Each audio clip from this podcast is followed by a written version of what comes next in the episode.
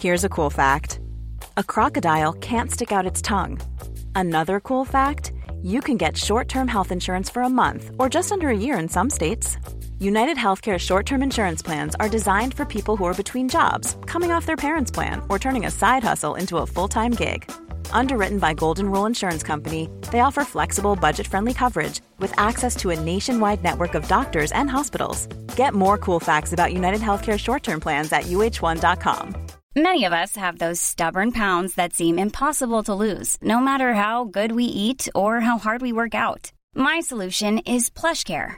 PlushCare is a leading telehealth provider with doctors who are there for you day and night to partner with you in your weight loss journey. They can prescribe FDA-approved weight loss medications like Wagovi and Zepbound for those who qualify. Plus, they accept most insurance plans. To get started, visit plushcare.com slash weight loss. That's plushcare.com slash weight loss. Hey, it's Ryan Reynolds, and I'm here with Keith, co-star of my upcoming film, If, only in theaters May 17th. Do you want to tell people the big news? All right, I'll do it. Sign up now and you'll get unlimited for $15 a month in six months of Paramount Plus Essential Plan on us. Mintmobile.com slash switch. Upfront payment of $45 equivalent to $15 per month. Unlimited over 40 gigabytes per month. Face lower speeds. Videos at 480p. Active Mint customers by 531.24 get six months of Paramount Plus Essential Plan. Auto renews after six months. Offer ends May 31st, 2024. Separate Paramount Plus registration required. Terms and conditions apply if rated PG. Det är någonting som absolut inte stämmer. Eh, Men då hade det gått så pass långt att jag var skuldsatt. Jag hade inget eget boende. Jag hade en, inte en liksom konsekvent inkomst. Det var inte tillräckligt mycket. Jag kände mig, jag var liksom i en beroendeställning till honom. Kände jag. Nu i efterhand var det så här, nej, det kanske inte var fullt ut. Ehm, och när jag ibland typ så här, ska jag vända mig till socialen? Då var det så här, men fattar inte. Barnen kommer bli omhändertagna. Du kommer sätta dig själv i massa problem. Vill du verkligen hamna i systemet på det här sättet? Du kommer få problem med polisen. Och, eh, så han liksom skrämde upp mig. Och jag tror, som jag sa, att han var hela min värld. Hela min existens. Alltså jag hade lagt mitt liv helt i hans händer.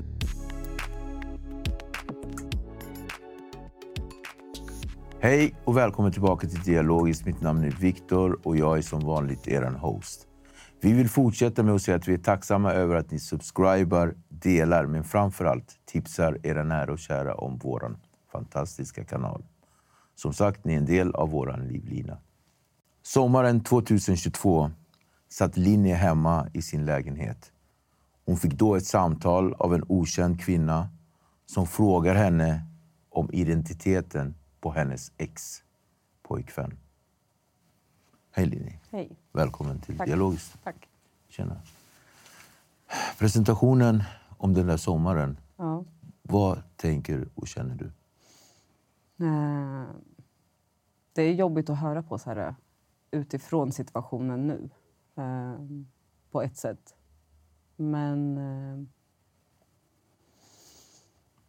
Ja, det är en ganska konstig historia eh, som tyvärr är min verklighet. Mm. Eh, Alltså en kvinna ringer till dig Mm.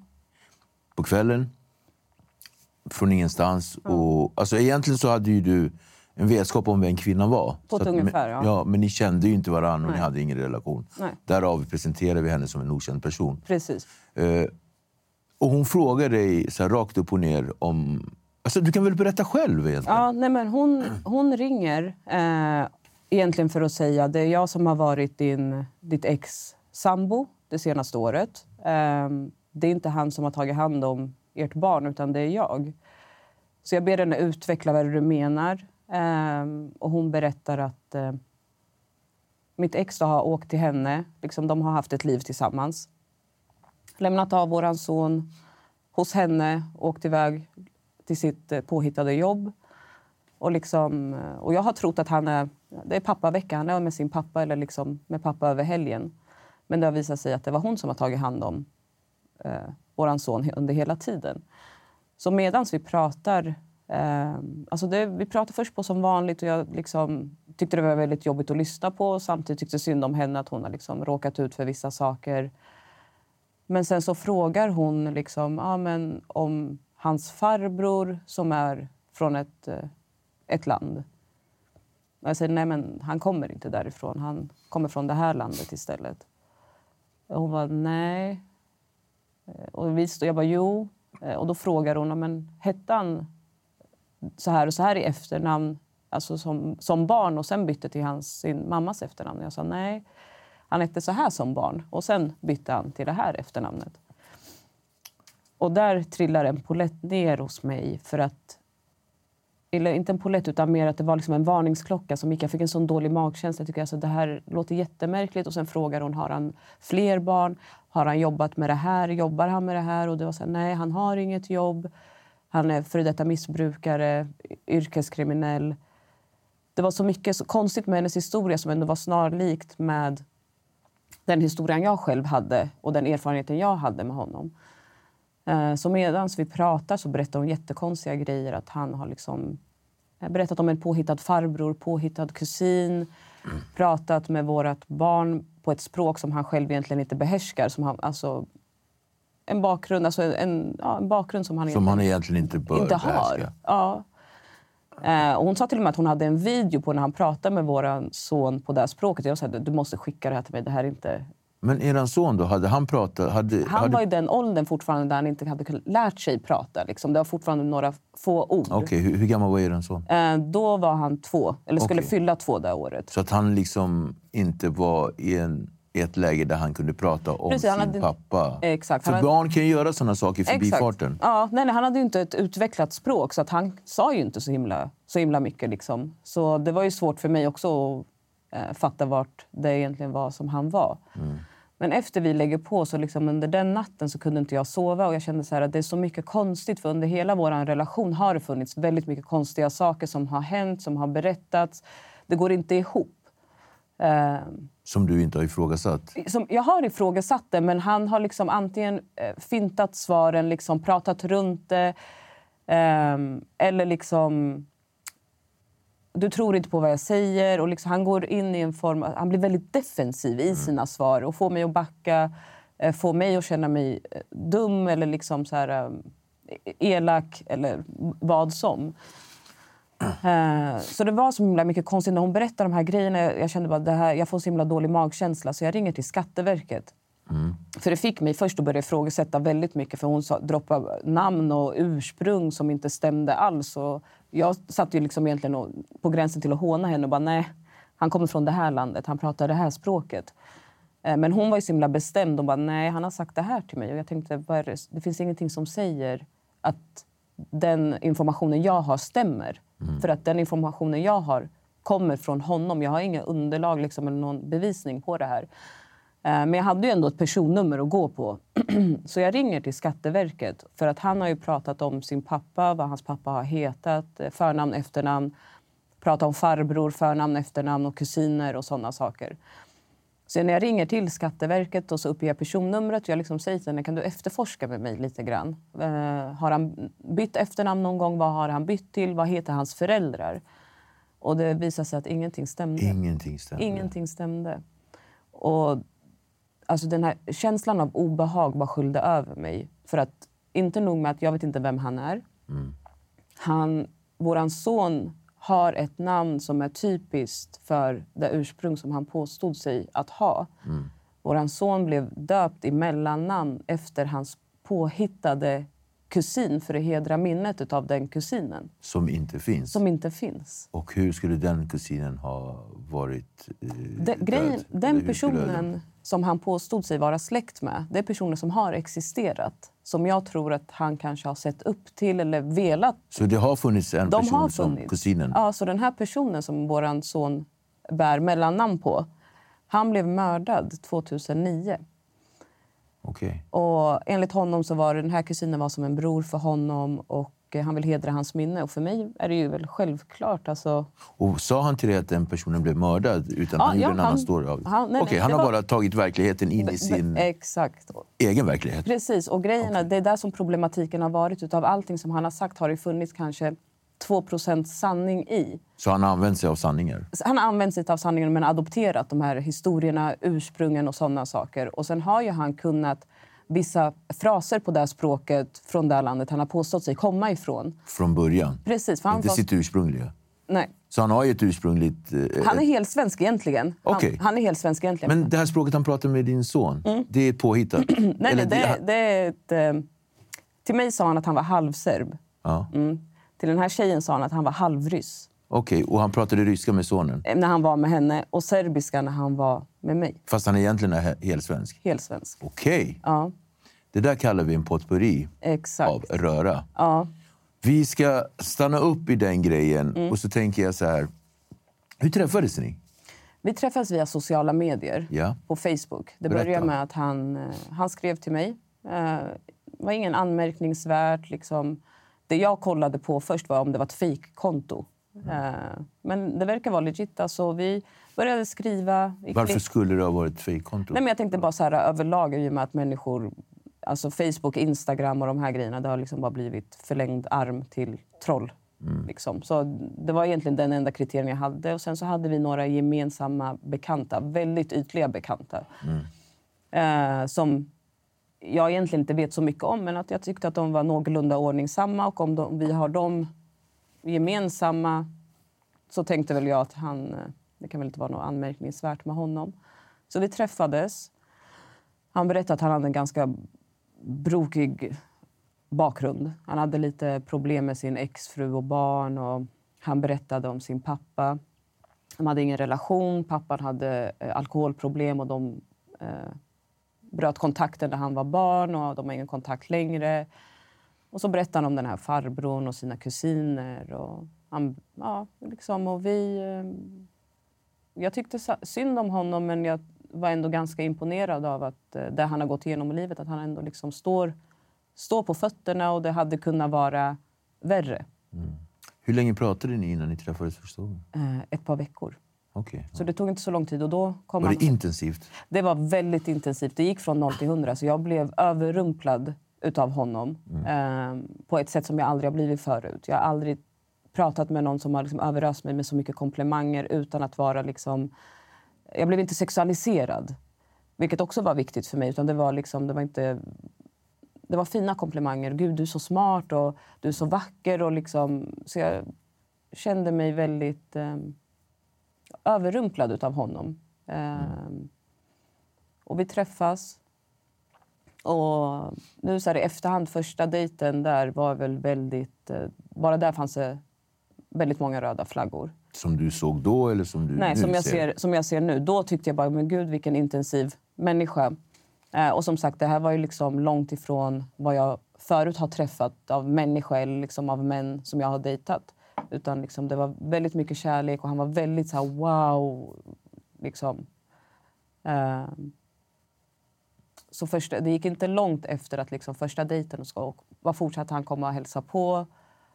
Och sen så helt plötsligt så bodde han hos mig. På väldigt kort tid. Alltså det gick verkligen från noll till hundra. Så efter första gången ni snackade på sociala medier så bodde han hos dig Inom loppet på en månad. månad? Mm. Och inom loppet på två månader var vi gifta. Oj, oj, oj. Mm. Men hans egen lägenhet som han bodde i innan? Hans egen lägenhet som han hade, det var en andrahandslägenhet. Eh, som han sen hyrde ut, eller gav bort eller man ska säga, till en vän som behövde boende. Så det var så här, "Ja, men jag har ordnat med någon som kan ta över lägenheten. Och det är liksom, jag var så här, okej, är du säker? Ja, men det är inga problem. Så att det, det gick undan. Och då, då, då kom han givetvis med ett namn. Mm. Eh, det här är vad jag heter och jag kommer från Serbien. Mm. Min pappa är serb, min mamma är svensk och jag heter så här och så här. Eh, Men då sa han att han, det efternamnet som han bar när vi träffades, då, det är det han har haft hela tiden också, men då sa han att det är mammas efternamn. Eh, Och när jag och pappa blev osams när, vi var, när jag var liten, eller yngre, eh, så ville inte jag bära hans efternamn. Demonstrativt bytte namn. Ja. Eh, Och det var ju alltså en ursäkt som jag kunde köpa. Mm. Eh, Jag tyckte det var så här, okay, fair, fair enough. Varför inte det är ändå fortfarande en förälders efternamn? Så Mm. han har inte bytt till något konstigt. Och det hade ju inte du egentligen någon anledning att ifrågasätta. Så du tänkte Nej, jag, inte jag ens åt tyckte det inte det hållet. var. Jag hade också kunnat byta till mammas efternamn liksom i ren protest. Mm. Om det hade varit så. Jag fattar. Eh, Så det var ingen konstig grej. Och sen berättade han med väldigt mycket inlevelse om sin pappa, sin serbiska farmor och när de var i Serbien på semester och sina kusiner. Och som sagt, han kunde väldigt mycket serbiska fraser. Och Och i och med att han var halvserb så kunde det också vara att han inte pratade serbiska Precis, han är också så här, i och med att hans föräldrar skildes när han var liten, Ja. uppvuxen med mamma. Så att för mig, alltså, det liksom var logiskt. Alltså att eh, jag som ändå liksom är från Mellanöstern, jag behärskar inte mitt språk liksom. Eh, så jag tänkte, det var inte så mycket att ifrågasätta. Ni gifte er. Vi gifte oss väldigt snabbt. Och där, kom jag också, där var det också nästa eh, varningsklocka. För då började det pipa fram att han... Eh, jag har ett eh, kortare fängelsestraff som väntar.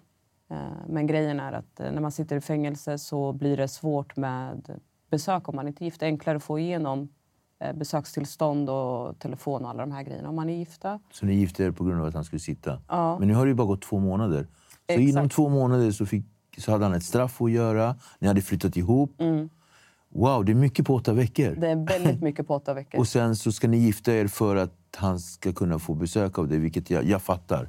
Jag, jag fattar den Mm. Precis. Grejen. men jag tyckte också att det lät logiskt. Ja, ja. Men alltså, ändå det, är inte, liksom- det är inte största anledningen till varför folk egentligen gifter sig. Nej. Mm. För att kunna besöka varandra på, eller få besök på fängelse. Men det men ju- det underlättar mycket. Det gör det. Precis. Ja. Nej, men det, det var ju samtidigt också, men jag är väldigt kär och det känns väldigt bra. Och liksom, jag skulle kunna tänka mig gifta mig i framtiden. Visst, vi gör det nu, kanske inte av de alla rätta anledningar, men kärleken finns ju där. Det liksom, Mm. jag, jag ursäktade det väldigt mycket för mig själv och för mina liksom, vänner och familj också som var, började Vad var det för straff då? eh, för våldsamt upplopp, hets mot folkgrupp Okej. och ja, misshandel också på det. Fotbollshuligan? Nej. Eh, nazist, före detta nazist. Så vi pratar om en före detta nazist nu. Visste du att han var före detta nazist då? Mm. Ja, det visste jag. För att han berättade. Jag har klivit ur det här. Jag tar avstånd från det. Det är inte jag och det var jättedumt av mig.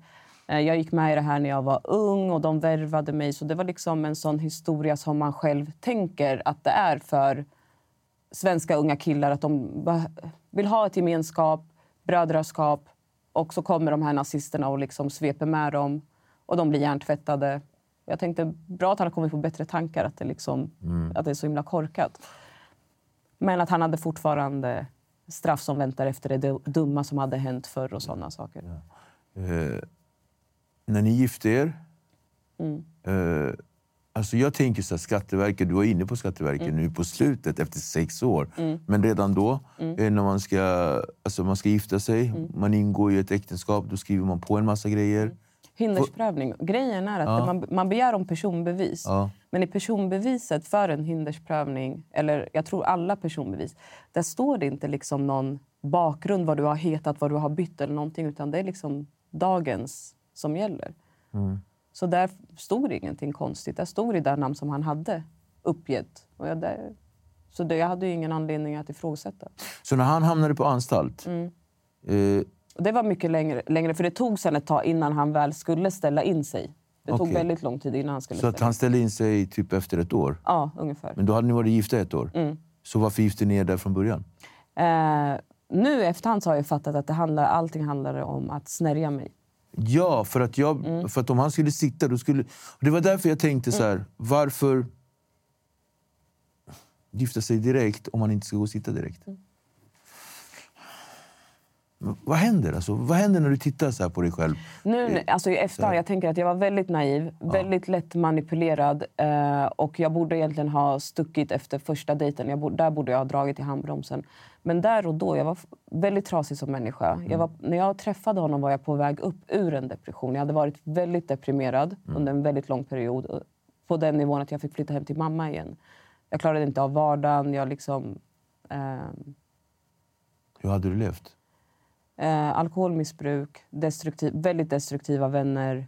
Eh, jag var väldigt... Eh, vad ska man säga? Jag hade tappat mig själv helt. Tappat liksom lusten på livet. Och jag liksom försvann i ett enda stort mörker. Så därför när han kom också, då var det som en frisk fläkt. Liksom. Du var ganska svag för... Jag hade precis börjat lägga mitt livspussel som de säger. Jag hade liksom flyttat från mamma, löst med lägenhet. Börjat dra ner liksom på det destruktiva, börjat kapa med liksom dåliga vänner, dåliga vanor. Var på väg upp och så kommer han in i mitt liv. Ehm, och vill hjälpa, vill rädda. Och han stod alltid på min sida. Nu i efterhand så var, var det så att om jag liksom gjorde fel så stod han fortfarande på min sida. Du är så bra, du är så duktig, alla andra har fel, det är Han fel på höjde alla dig? andra. Ja, väldigt, väldigt mycket. Alltså, det var en lovebombing som de kallar det för. Mm. Eh, Så jag var väldigt trasig när jag träffade honom. Om man säger så här, han hade aldrig hänt idag. Nej, det, det, det, Mm. det fattar jag ju med att du sitter här just nu. Men, men han hände då. Han hände. Han hände då. Och nu är vi ju sex år tillbaka. här. Ska vi säga sju någonstans? Eh, sex, va? Mm. Ni fick en son. Och där också... Eh, hade han fått som han ville så hade vi fått barn mycket tidigare. Eh, det var också prat om barn väldigt snabbt. Och ja, du ska bli min fru och jag älskar dig och jag vill ha barn med dig. Jag vill bilda familj. Och, och jag fick då veta i något år eller så in på vårt förhållande får jag veta att jag har inte så lätt för att bli gravid. Jag har en låg äggreserv som det kallas för. Så jag måste få hjälp för att bli gravid. Så vårt barn är egentligen, jag kan säga liksom... Jag skaffade barn av mitt egna egoistiska behov och känslor. Jag kände att min biologiska klocka tickade. Hade jag inte levt i en relation hade jag nog kanske åkt till Danmark. Eh, men jag levde i en relation och det kändes väldigt naturligt då att skaffa barn med den personen man var med. Och så. Ehm, så det var inte liksom ett kärleksbarn så. Men hans påtryckningar och min biologiska klocka, det kändes naturligt. Men det tog ju några år in på vårt förhållande innan jag faktiskt blev gravid eh, och fick barn. Eh, vad var det för egenskaper hos honom som fick dig liksom att fastna? Förutom det här att han gav dig komplimanger. så, Hade han andra egenskaper? Han vad jobbade han med till exempel? Alltså, Till en början så påstod han att han jobbade som dörrvakt. Eh, först så, han målade upp en bild av att han, det var hans heltidsjobb. Eh, men sen med tiden så var det bara nej, men det var några enstaka Ja, pass hit och dit och så. när det finns pass och när det Exakt. finns event. Och Precis. om man inte är stående på en, på en krog som har öppet hela tiden. Mm.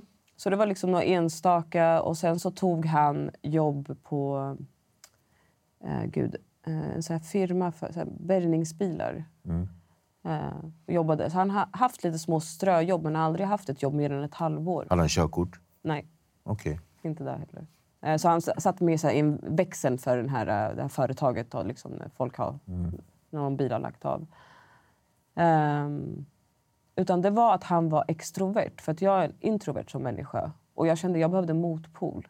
För att mitt introverta gör att jag isolerar mig. Och han var så, kom vi ska pröva nya saker. Han liksom, jag fick som en liten sp- spark i röven och liksom komma ut och göra saker som jag kanske inte hade gjort. Och det var väldigt, eh, väldigt lockande. Men en annan sak då. Vänner. Mm. Hans vänner. Hans vänskapskrets. Det fanns inga. Jag Ingen. Inte en enda Det polare som... ytligt bekanta. Eh, som han, oftast var det så att han höll kontakten med sina vänner på, via telefonen. Liksom så här, de skrev och ringde ibland. Eller så här, Och sociala vad kallade medier. de honom för namn? Eh, De kallade honom det förnamnet han hade gett mig. Och det namnet han hade gett dig, var det det som stod i hans ID-kort? Ja, men det stod som mellannamn. Så vad stod det? Ja, Okej, du behöver inte säga Ja, det namnet som stod. Så det stod ett annat namn som, Som, förnamn? Ja, men han sa att det namnet som jag kallar för, det är hans tilltalsnamn och det andra är förnamnet. Och de kallade honom för mellannamnet som han hade gett dig. Så hade han alltså ljugit om sin identitet för dem också? Mm. Precis, för är de- det det vi pratar om nu? Exakt. För grejen är, hans vänner... All, han har ingen vän som han kan säga så här, det här är någon som jag har känt i 10-15 år som en normal människa. Man har vänner kvar från barndomen och sånt. Nej, alla Inget var så här, nej, alla var Ingen man har spelat fotboll med? Nej, alla var nya färska vänner. Ja, men vi träffades när vi jobbade i dörren på det här stället för några år sedan. Det var liksom... Och han var väldigt, vår relation var väldigt destruktiv också. Det, den. Så det var inte så här att det här är en person... Att det var enkelt för mig att ta reda på information heller. Utan vi var väldigt sammansvetsade och vi blev mer och mer sammansvetsade och isolerade för att den ena saken efter den andra började ju hända. Vi, för när vi träffades så bodde vi utanför Stockholm. Vi bodde i en annan stad då. Är han från en annan stad? Nej, han är, Han han är är, från från, Stockholm. Stockholm. Men jag Du vet att jag blir väldigt så här... Det blir mycket för mig på en Mm. det gång. mycket, är ja, det, det, man, får, man måste pussla. Man måste Jag hör pussla dig. det. Så jag är från en annan stad. Då. Mm. Så han, och på den här tiden då bodde jag där. Så han flyttade till min stad. Så där känner inte han någon. Och han har ingen där som jag kan fråga eller prata med om honom. Sen när vi kommer till Stockholm, flyttar hit då. Då bor vi i andra hand, så vi flyttar runt. Väldigt, väldigt mycket. Eh, Vår relation blir mer och mer destruktiv. Jag började gå tillbaka till att dricka igen. Eh, blir väldigt, han blir hela min värld och existens, men inte på ett romantiskt sätt. Jag blir väldigt beroende av honom. För att från ha gått från att ha liksom inkomst, eget boende och började ta mig upp från en depression så gick jag liksom 20 steg bakåt igen. Gick tillbaka till alkoholproblematiken. Hade inte ett fast boende. Vi hyrde i andra hand, flyttade runt hela tiden. Hade han bank-id? Han hade inte bank-id.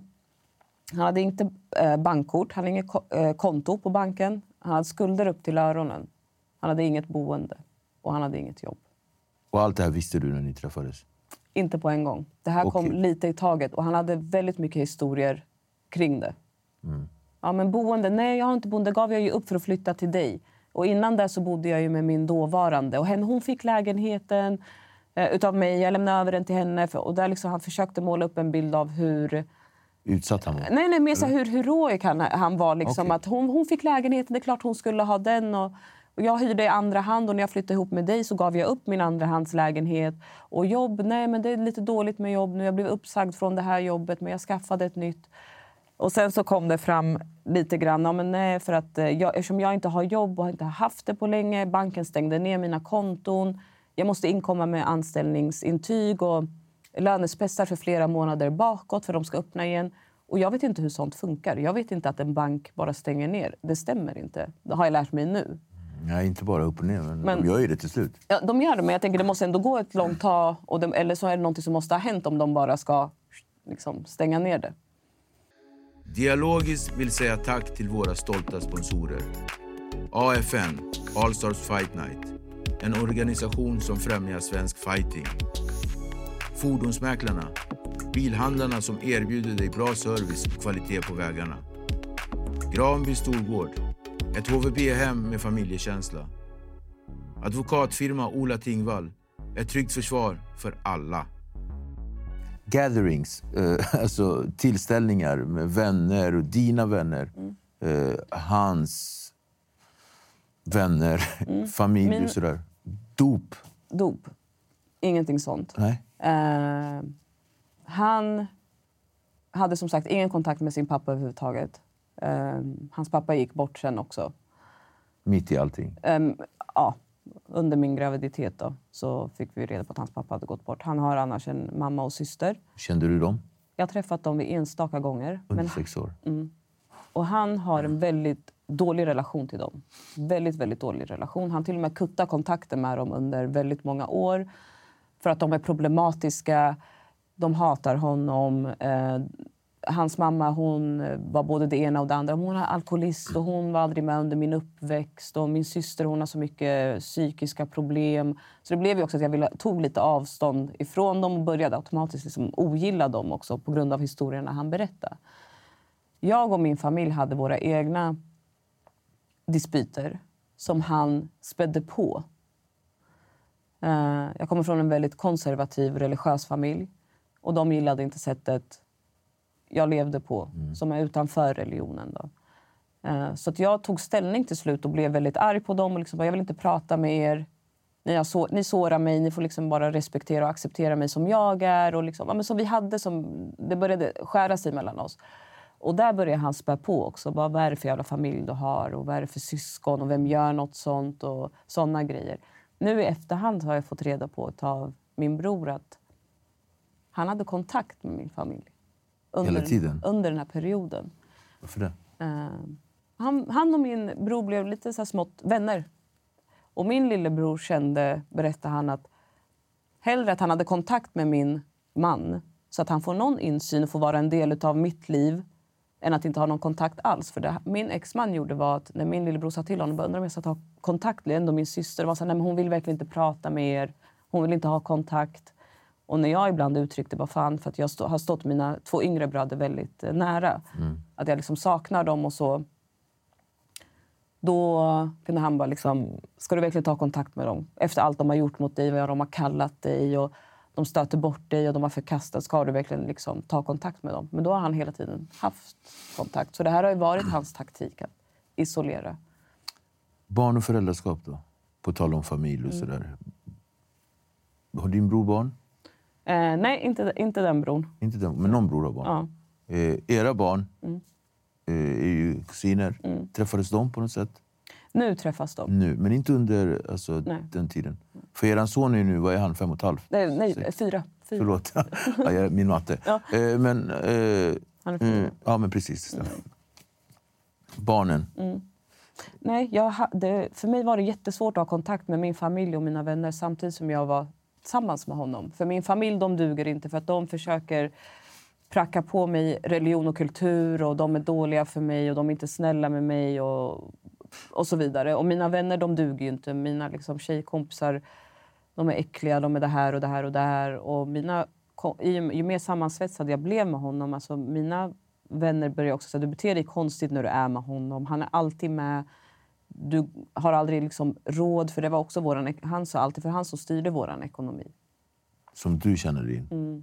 Per, periodvis, ibland hade han Ja. li, lite jobb. Hur? Vad fick... Ja, okej, vi- han jobbade...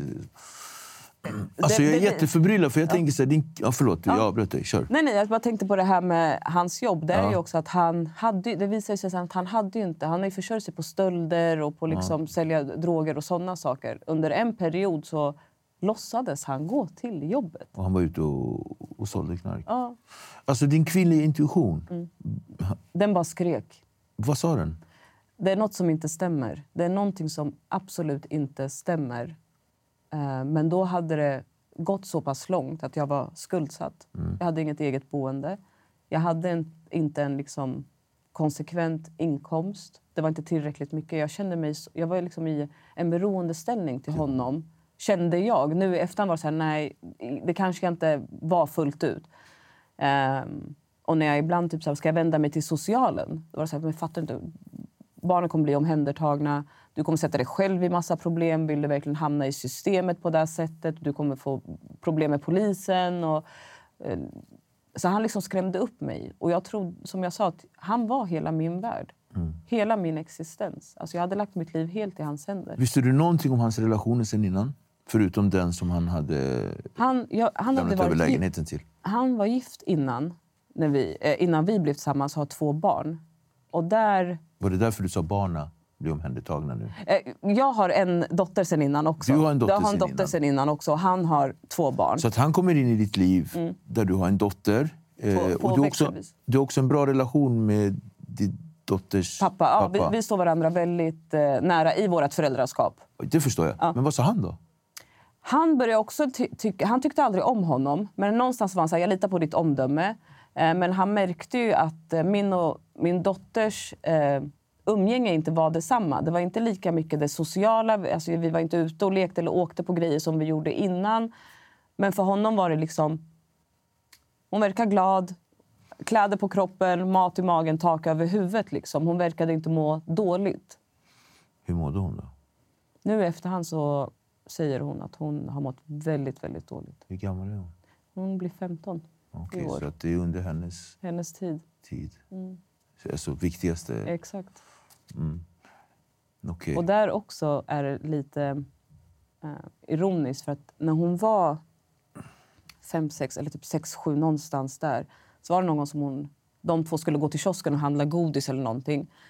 Och sen när de kommer hem då säger hon, hon bara, mamma vet du att han, han har två telefoner? Och hon var så himla liten. Jag bara, nej det har han inte. Han har bara en telefon. Och nu i efterhand så bara, hon talar. Och de tele två telefonerna hade han antingen för att han sålde då och sådär. Men kan det också vara... För jag söker den riktiga personen bakom honom. Mm. Alltså eh, den som han har lämnat. Och se, eh, förstår du vad jag menar? lite grann? Det måste ju finnas en annan person där Mm, Precis. Mm. massa människor söker. Människor undrar var han är. Eh, om han har varit en bedragare där också så det är det har- folk... Ja, men fattar du? Det är liksom, Och det är det som har hänt nu i efterhand, att folk letar efter honom. Det är folk som hör av sig. Nu har det varit tyst, för nu var det ju ändå länge sedan vi gick isär. Men när folk fortfarande trodde att vi var tillsammans så kunde de kontakta mig. Vart är han? Vad är det som har hänt? Han är och vad skyldig sa de pengar. för namn då?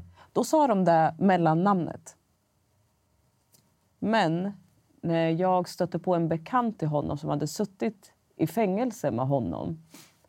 Det var några år sedan. Då hade vi varit tillsammans inte så, ett par år. Eh, jag var i Göteborg. Då kallade han honom någonting helt annat. Men då tänkte jag att nej, men det här är ju det namnet, det är hans förnamn.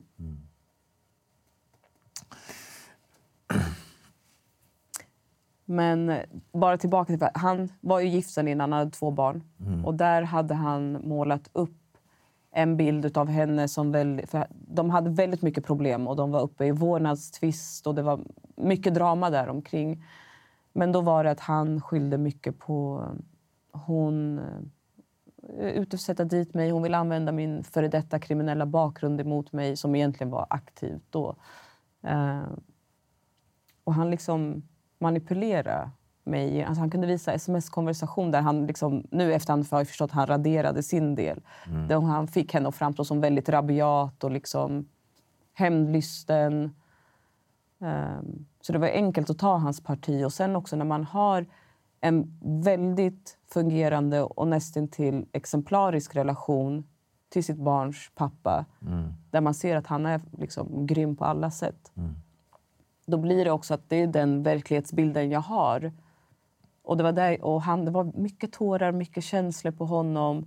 Så när han liksom fick det framstå som att han kämpar för sina barn, jag trodde på honom. Och Slog han dig? han har aldrig slagit mig. Däremot så har han använt sig av andra taktiker. Liksom han har knuffat, grepp, greppat tag. Under en period satte han i, liksom, i system. Han låste polislåset hemma. Så han låste in dig? Han låste in mig. Eh, första gången det hände så var han så här, ah, men det var per automatik. För vi hade, brukade alltid säga att vi ska låsa båda låsen när vi går hemifrån. Han bara, men det hände per automatik. Och till en början så trodde jag på honom. Tills jag märkte att nej, det här stämmer inte. Men var det också när ni hade bråkat som han låste in? Precis. precis. Okej. Och det var där jag började fatta att, nej, liksom att man lägger ihop pusselbitarna. Men han har gaslightat mig under så många år på ett sånt sätt att jag liksom... Han har lekt med hela min verklighetsuppfattning. Så det blir väl... Alltså, när man är så medberoende till någon, du litar inte ens på dig själv. Allting någon annan säger, det är det som är sanningen, det är det som är verkligheten. För att du tror inte på dig själv, på dina egna tankar, dina egna känslor. Det är liksom, jag existerade inte längre. Varför är du så medberoende? Eller varför var du så medberoende? Jag förstår det här med att du hade kommit från ett alkoholmissbruk och sådär. Mm. Då är man, då är man jätte, jättekänslig. Men det ligger ju någonting annat under eftersom du också har gått in i ett alkoholmissbruk. Mm. Ja, och det är, alltså, det är också väldigt simpelt. Det har med barndomen att göra. Jag hade en väldigt jobbig barndom. Eh, där eh, vår pappa lämnade oss, lämnade mamma. Mamma var ensamstående med sju barn. Pappa var eh, väldigt våldsam.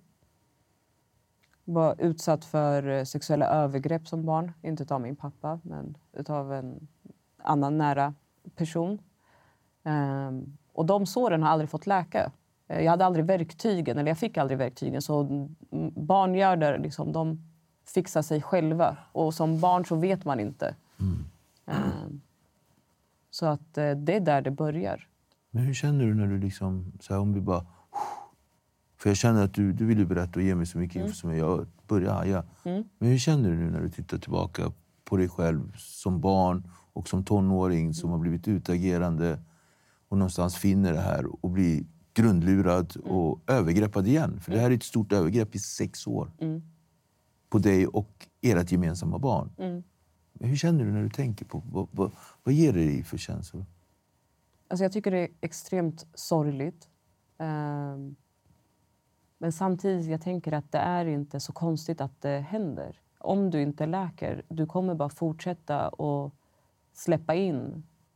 Jag tror inte riktigt på det här att man liksom drar till sig nödvändigtvis en viss typ av människa. Utan jag tror att det är att man inte vet att, gränser. Det har liksom, gränsdragningen den har liksom inte existerat för mig. Jag har levt på ett gränslöst sätt. Så då är det inte så konstigt att jag kommer liksom inte kunna sätta gränser för den typen av människor. Och jag har haft destruktiva människor i mitt liv. Om det inte har varit pojkvänner så har det varit vänner överlag. Kan du köpa att eh, folk skulle se dig som väldigt naiv? Ja, absolut.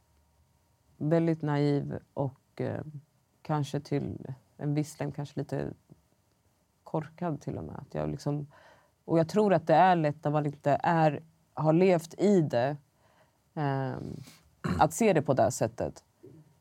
Men det är så omfattande och den här typen av manipulation är väldigt, väldigt avancerad. Det är ingenting som liksom har hänt över en natt. Alla lögnerna har inte kommit på en och samma gång utan det har kommit lite då och då. Det har funnits stunder som har varit bra. Så att någonstans har jag bara, men han är ju snäll, han verkar empatisk. Mm. För mig, han fick ju sig själv att framstå som väldigt empatisk. Och för mig, en empatisk människa gör inte så här. Mm. Och sen också, när en människa aktivt jobbar för att du inte ska få reda på sanningen. Hur fan ska du få reda på den då? Jag fattar. Eh, Jag upplever inte dig som korkad. nej. Men kanske lite mer medvetet har skygglappar på. Ja, Och jag undrar om inte det är lite färre faktiskt. Alltså förstår du vad jag menar? Ja, nej, men det, det är det nog. Det är det. Eh, och jag tror att det har varit... Eh, verkligheten var bara för jobbig. Mm. Så att då är det bättre att bara fortsätta. Det blir väl som någon form av så här skyddsgrej. Liksom, att man bara fortsätter att köra på. Och sen är det skammen i det här också. Att, eh, och I slutet när allting liksom uppdagades då var det mycket vad nej, det här, jag ska ta med mig det här i graven. Ingen ska få veta. Jag vill inte att folk ska skratta åt mig eller tycka att jag får skylla mig själv. och så. Men nu istället känner jag den här skammen, den är inte min att bära. Jag förstår. Mm, Och med facit i hand idag Mm. då. Nu sitter du trots allt här så att du har ju jobbat mycket med dig själv och så. Och med facit i hand. När, du säger ju första dejten, där skulle du ha dragit. Du kanske inte ens skulle ha gått på den första Nej, dejten. exakt. Men, men med facit i hand, vilka signaler förbisåg du mest? Eh, när saker inte går ihop. Det var i början att han, när han berättade om, om jobben, att jag liksom, det var små saker att de... Det bara gick inte ihop sig. Jag kan inte ge något konkret så, men det var bara att den här vänta, sa han inte så här? Och nu säger han så här. eh, Den personen jag är idag skulle liksom så här, jag får inte ihop det, du behöver inte förklara mer, hej då. Men då var det mer, jag får inte ihop det, jag vill veta mer. Är han son? Ja, han är nog det största offret i det här. Ehm, för där känner jag ju också... Det är mycket därför jag vill berätta inte bara min, utan vår historia. För att någonstans känner jag att han behöver få upprättelse. För att det var väldigt tragiskt också att eh, under en period på förskolan, de hade ju en eh, pedagog där som pratade serbiska. Och jag uppmuntrade henne till att prata serbiska. För att för mig blev det ju ändå liksom att alltså det här kulturella arvet blev, är jätteviktigt för Ja. mig. Speciellt när man har barn som också är blandade. Så jag var så här, jag bara, nej, det är jätteviktigt för mig att han ska kunna prata arabiska och serbiska. Svenskan kommer automatiskt. Så jag uppmuntrar förskola, om jag har haft vänner från Balkan, liksom, lyssna på så här serbisk musik. Vi har firat så här, eh, ortodoxa påsken. Jag har så här, kollat efter serbiska maträtter och lagar för att som sagt, det kulturella arvet har varit så viktigt. Och nu är jag glad över att saker har nystats upp när han är så här liten. Alltså jag tänker att som barn i tonåren och få reda på en sån här sak, det hade nog kunnat vara förödande för honom. Det fattar jag. Men han är fem. Han, han blir fem Hur år. mycket vet han? Han vet inte så mycket. Nej. Jag, jag liksom eh, lindar in allting. Om, han frågar om sin pappa. Han ja, min pappa har skägg. Jag bara, ja, pappa har skägg. Och, och så, Var är han? vet inte. Vad säger du att han är? Han är och jobbar långt bort. Han jobbar och bor långt bort. Mm. Och han säger, jag har inte hjärta att säga. Och sen är han för liten, det är för avancerat för att gå in på. Mm. Men det är någonting man får förklara när han är tillräckligt stor för att förstå att du har en pappa som är väldigt sjuk. Han, han älskar dig, men han är väldigt sjuk. Och det är ju nära sanningen. Ja. Det är ju också sanningen. ja. Men... Eh,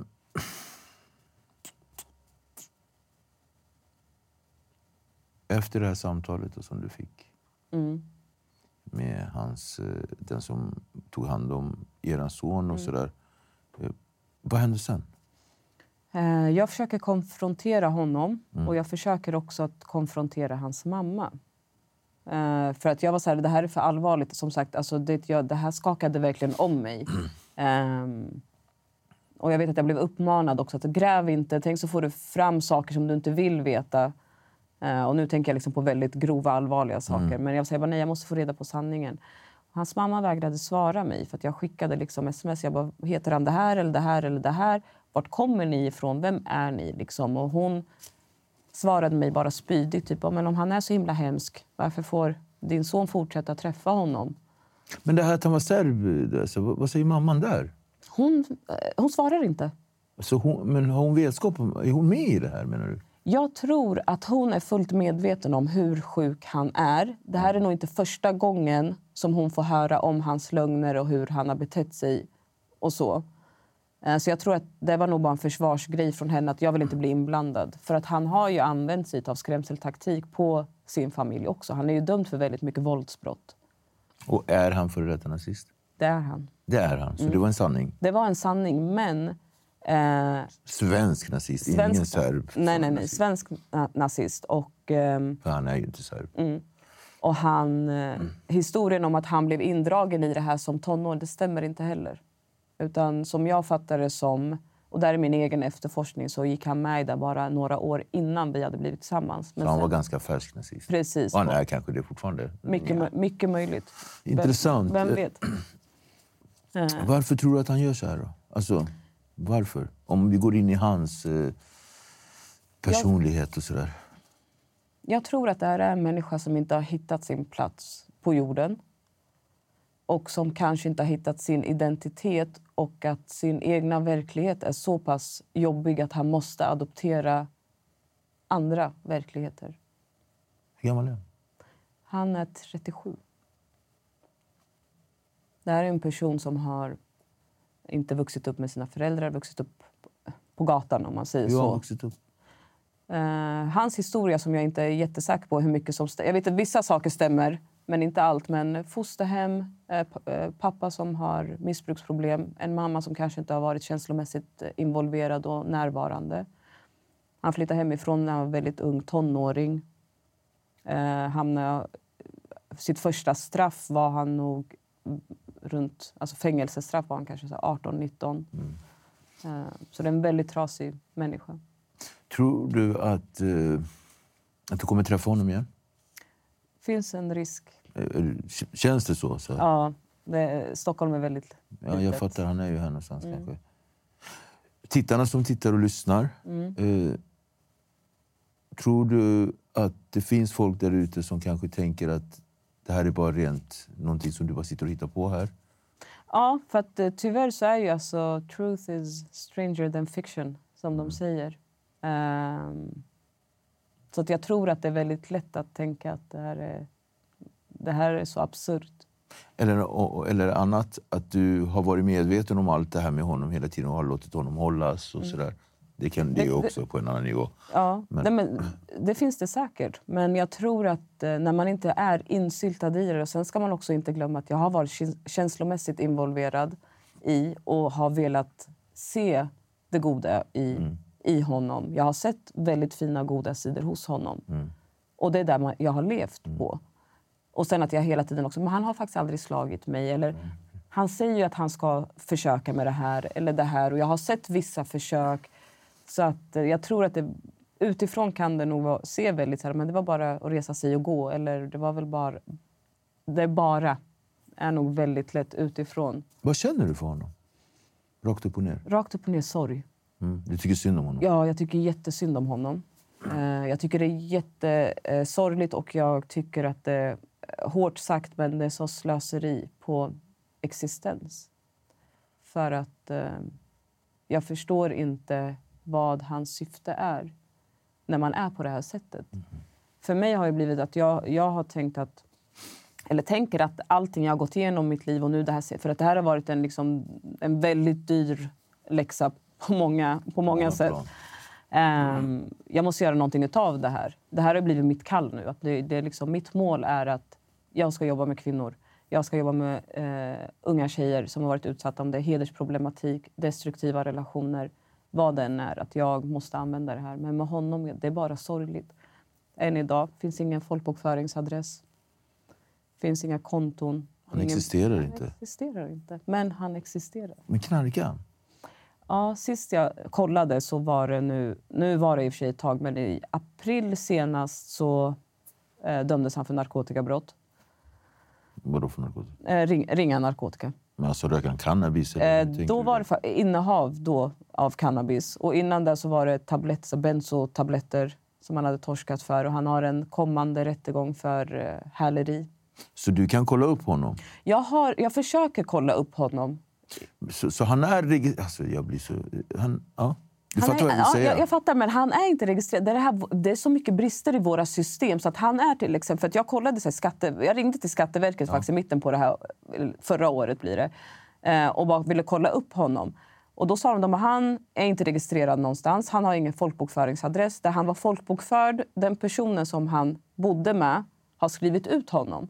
Och han har inte folkbokfört sig någon annanstans. Så vi kommer i slutet på året, alltså slutet på 2023, skriva honom som utvandrat ur landet.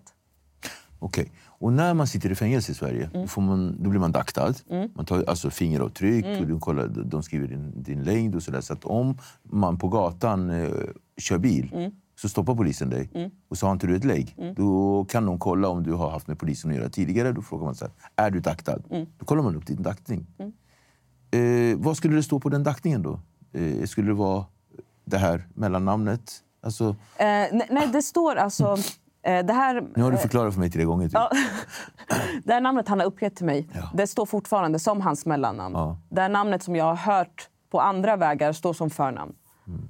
Det är det som står, men det finns ingen adress. Men, eh, så att, eh, när man kollar i... Exempelvis när jag kollat upp honom på Lexbase där har jag ju sett att breven har vidarebefordrats till hans mamma. Mm. exempelvis. Ja, ja, att Så han att- inte liksom är folkbokförd någonstans, det kan jag förstå. Men existens som en svensk medborgare, det är den frågan som är... Har du någon rädsla för att han ska dyka upp i ditt liv och bara göra någon konstig grej? Nej, Inte så? Nej, jag tror inte att han kan göra mer än vad han redan har gjort. Och jag är så pass... Alltså, jag har liksom called him out. Jag vet precis vad det är. Jag, han kan inte påverka mig alltså, känslomässigt eller någonting annat. Han skrämmer inte mig, även om jag tycker att han är extremt obehaglig. Men han skrämmer inte mig. Eh, och de, den taktiken som han hade på mig förut var att jag var rädd. Jag levde på... Alltså, jag visste om, till slut så visste jag om en hel del av hans kriminalitet. Men då var jag så himla insyltad så jag vågade inte. Nu står jag liksom, jag har rent mjöl i påsen, har fått ordning på saker och ting i livet. Jag skulle inte dra mig för att ringa polisen om jag behöver. Jag är inte indragen i någon kriminalitet. Jag knarkar inte, jag dricker inte. Alltså come at mig om du vågar. Så att han, eh, han, han skrämmer inte mig. Men han är obehaglig. Han är väldigt obehaglig. Eh, vad känner du att du vill göra härnäst? Du säger att du vill jobba med kvinnor och sådär. Men, men vad är det du vill med att du vill... Alltså, med, vad är ditt budskap? Har du något sånt? För vi har haft med en psykopat, en narcissistisk psykopat att göra här. Eller? Precis. Ehm, mitt budskap är... Alltså egentligen, jag vill utbilda. Eh, alltså att folk ska... Det här händer. Det här är min verklighet. Det här är min sons verklighet. Det är hans pappa. Det är någons pappa. Ehm, att människor liksom... eh, Det är väldigt lätt att hamna i det här. Jag tror att det är väldigt lätt att hamna i såna här typer av relationer även om man inte har trauman eller alltså oläkta trauman eller om man är medberoende. Det blir väldigt, alltså, de här bedragarna de är tillräckligt friska för att vandra på våra gator men så pass sjuka att de kan förgöra liv. Eh, så att eh, ja, bilda och utbilda sig tror jag det är den största skyldigheten man har till sig själv. Tack för att du kom. Tack själv. Lycka till. Tack snälla. Tack.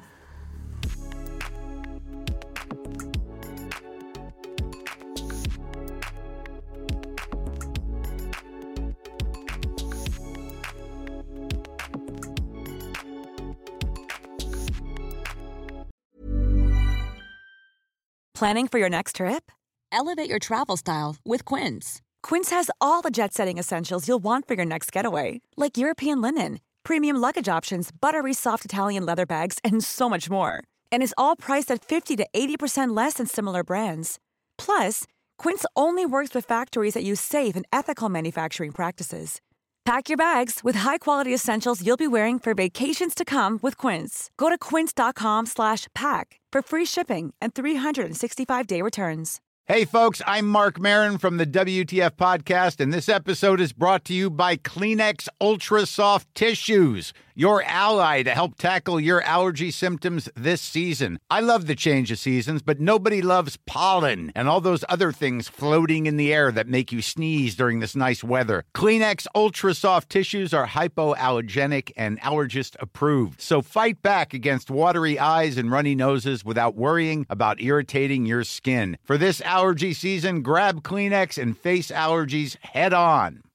How would you like to look five years younger? In a clinical study, people that had volume added with Juvederm Voluma XC in the cheeks perceived themselves as looking five years younger at six months after treatment. Look younger, feel like you. Add volume for lift and contour in the cheeks with Juvederm Voluma XC. Reverse signs of aging by adding volume to smooth laugh lines with Juvederm Volure XC. For important safety information and to find a licensed specialist, visit juvederm.com. That's J U V E D E R M.com. Not for people with severe allergic reactions, allergies to lidocaine, or the proteins used in Juvederm. Common side effects include injection site redness, swelling, pain, tenderness, firmness, lumps, bumps, bruising, discoloration, or itching. There's a risk of unintentional injection into a blood vessel, which can cause vision abnormalities, blindness, stroke, temporary scabs, or scarring. Talk to a licensed specialist to find out if it's right for you.